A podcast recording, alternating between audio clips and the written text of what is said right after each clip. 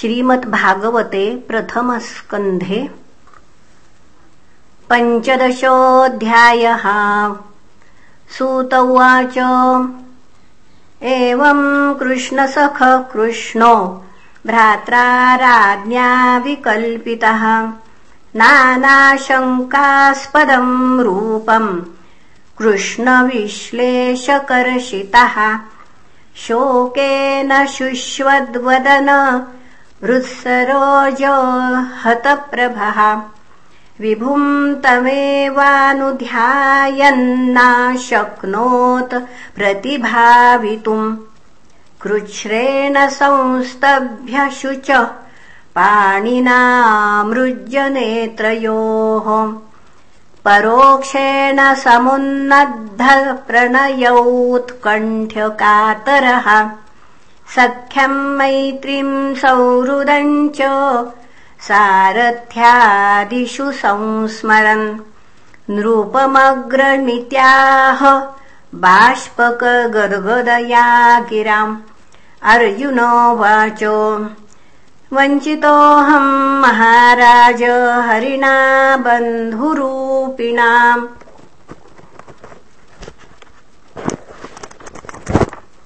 यस्य क्षणवियोगेन लोको ह्यप्रप्रियदर्शनः उक्तेन रहितो ह्येष मृतकः प्रोच्यते यथा। यत्संशयाद्रुपद गेहमुपागतानाम् राज्ञाम् स्वयंवरमुखे स्मरदुर्मदानाम् तेजोहरतम् खलु मयाभिहतश्च मत्स्यः। सज्जीकृतेन धनुष्याधिगता च कृष्णा। यः सन्निधावहमु खाण्डवमग्नयेदामिन्द्रम् च सामरगणम् तरसा विजित्य। लब्धा सभामयकृताब्धुत शिल्पमायात् दिग्भ्यो पुनः। दिग्भ्यो हरन्नृपतयो बलिमध्वरेते। यत्तेजसा नृपशिरोङ्घ्रि महन्मुखार्थे। आर्योऽनुजस्तव गजायुतसत्त्ववीर्यः तेनाहृताः प्रमथनाथ मखाय भूपा। यन्मोचितास्तदनयन् बलिमध्वरेते। पत्न्या सवाधिमखक्लुप्त महाभिषेकश्लाघिष्ठ चारुकबरम् कितवैः सभायाम्। स्पृष्टम् विकीर्य पदयोः पतिताश्रुमुख्या यस्तत्स्त्रियो कृतहतेश विमुक्तकेशाः यो नो जुगोपवनमेत्य दुरन्तकृच्छ्राद दुर्वाससोरिरचितादयुताग्रभुग्यः शाकान्नशिष्टमुपयुज्य यतस्त्रिलोकीम् तृप्ता ममंससलिले विनिमग्नसङ्घः यत्तेजसाथ भगवान् युधिशूलपाणिर्विस्मापित स गिरिजोऽश्रमदान्निजन्मे अन्येऽपि चाहममुनैव कलेवरेण। प्राप्तो महेन्द्रभवने महदासनार्धम्। तत्रैव मे विहरतो भुजदण्डयुग्मम् गाण्डीवलक्षणमरातिवधाय देवाः सेन्द्राश्रिता यदनुभावितमायमीढो तेनाहमद्यमुषितः पुरुषेण भूम्ना।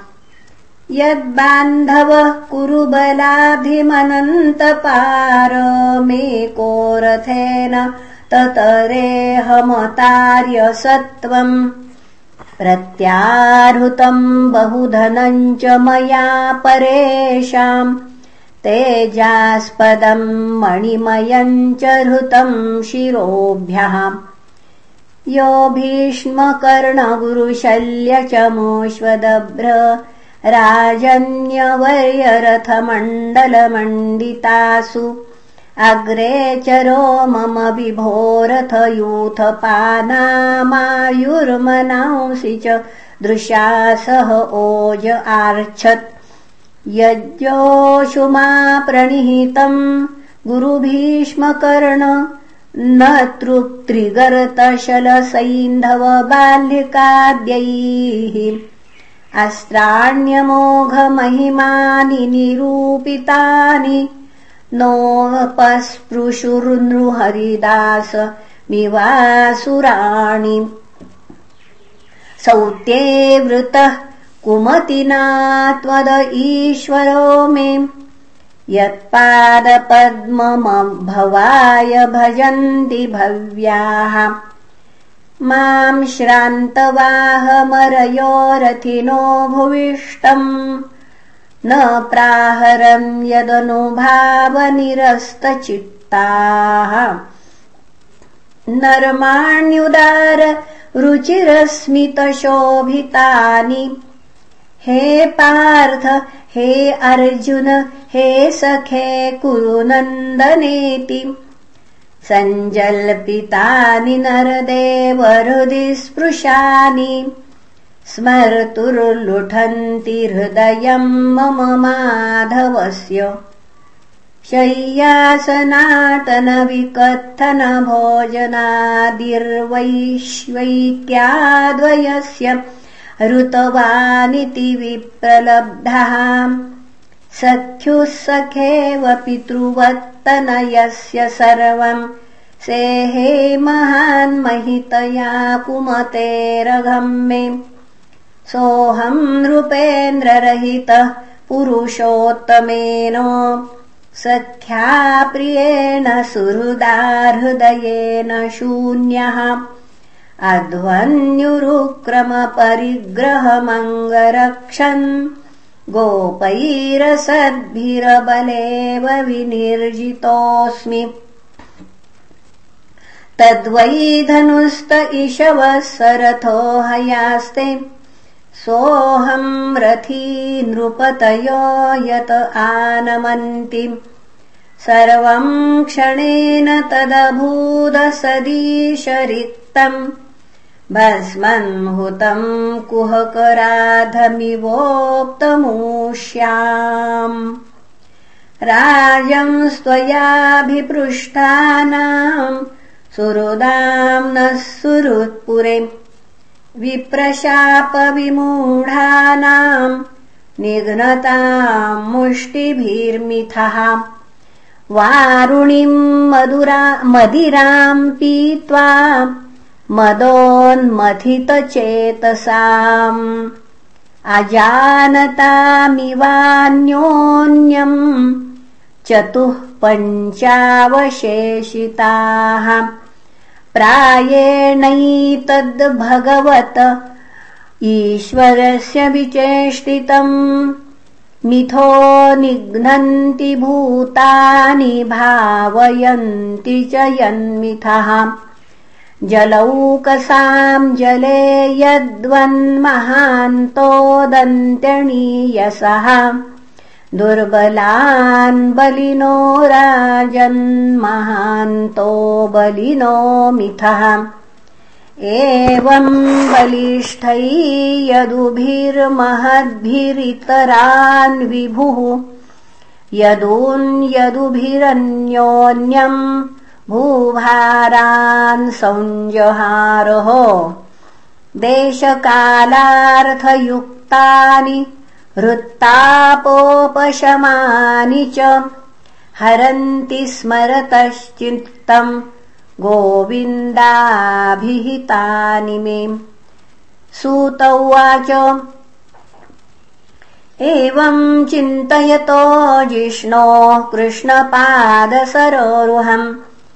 सौहार्देनातिगाढेन शान्तासीद्विमलामतिः वासुदेवाङ्घ्रयनुध्यानपरिबृंहितरंहसा भक्त्या निर्मथिता शेषकषायरिषणोऽर्जुनः गीतम् भगवता ज्ञानम् यत्तत् सङ्ग्राममूर्धनि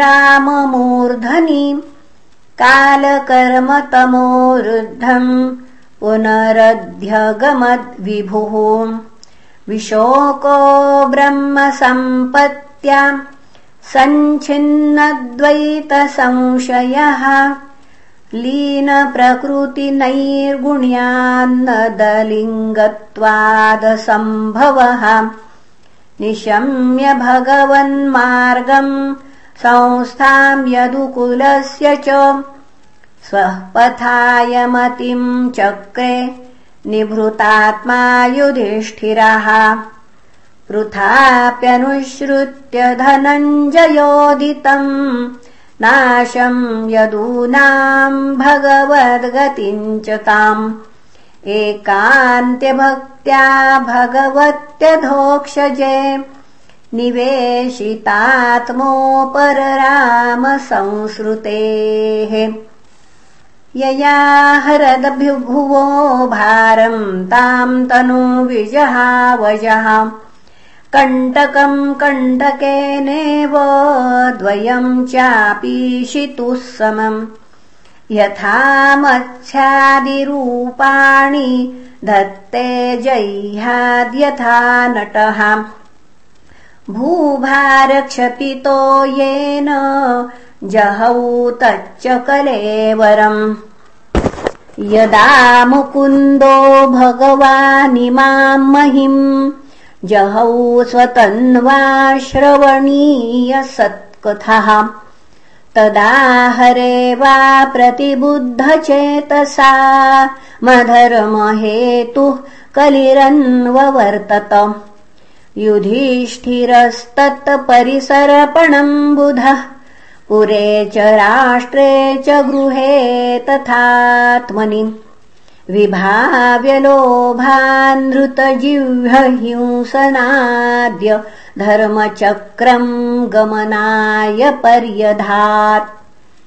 स्वराट्पौत्रम् विनमी विनयिनमात्मनः सुसमम् गुणैः तोयनीत्व्यापतिम् भूमेरभ्यषिञ्चद्गजाभये।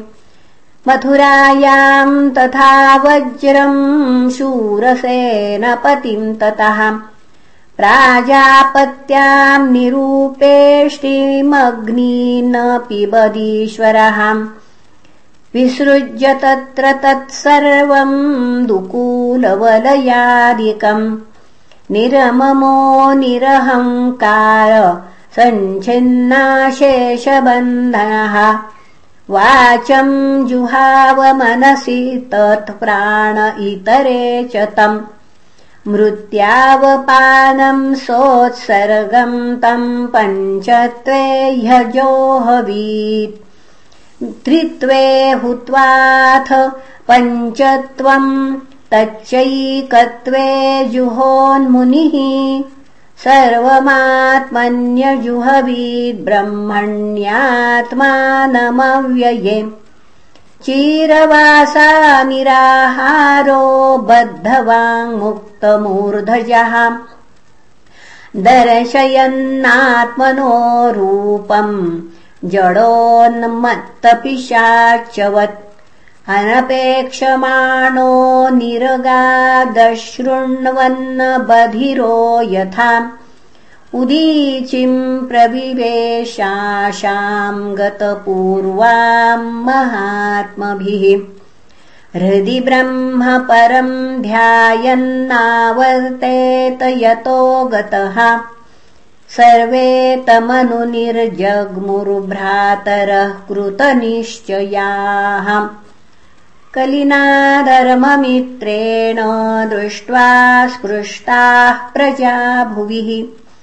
ते साधुकृत सर्वार्था ज्ञात्वात्यन्तिकमात्मनः मनसा धारयामासुर्वैकुण्ठचरणाम्बुजम् तद्ध्यानोदियुक्तया भक्त्या विशुद्धधिषणाः परे।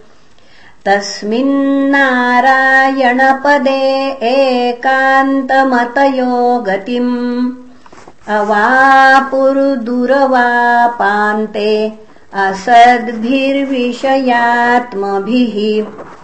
विधूतकल्मषास्थाने विरजेनात्मनैव हि विदुरोऽपि परित्यज्य प्रभासे देहमात्मवान्। कृष्णावेशेन तच्चित्त पितृभिः स्वक्षयम् ययौ। द्रौपदी च तदा ज्ञायपतीनामनपेक्षताम् वासुदेवे भगवती ह्येकान्तमतिरापतम् यश्रद्धयैतद्भगवत्प्रियाणाम् पाण्डोऽसुतानामिति सम्प्रयाणम् शृणोत्यलम् स्वस्तयनम् पवित्रम् लब्ध्वा हरौ भक्तिमुपैति सिद्धिम् इति श्रीमद्भागवते महापुराणे पारमहंस्याम् संहितायाम् प्रथमस्कन्धे पाण्डवस्वर्गारोहणम् नाम पञ्चदशोऽध्यायः. श्रीकृष्णार्पणमस्तु हरये नमः हरये नमः हरये नमः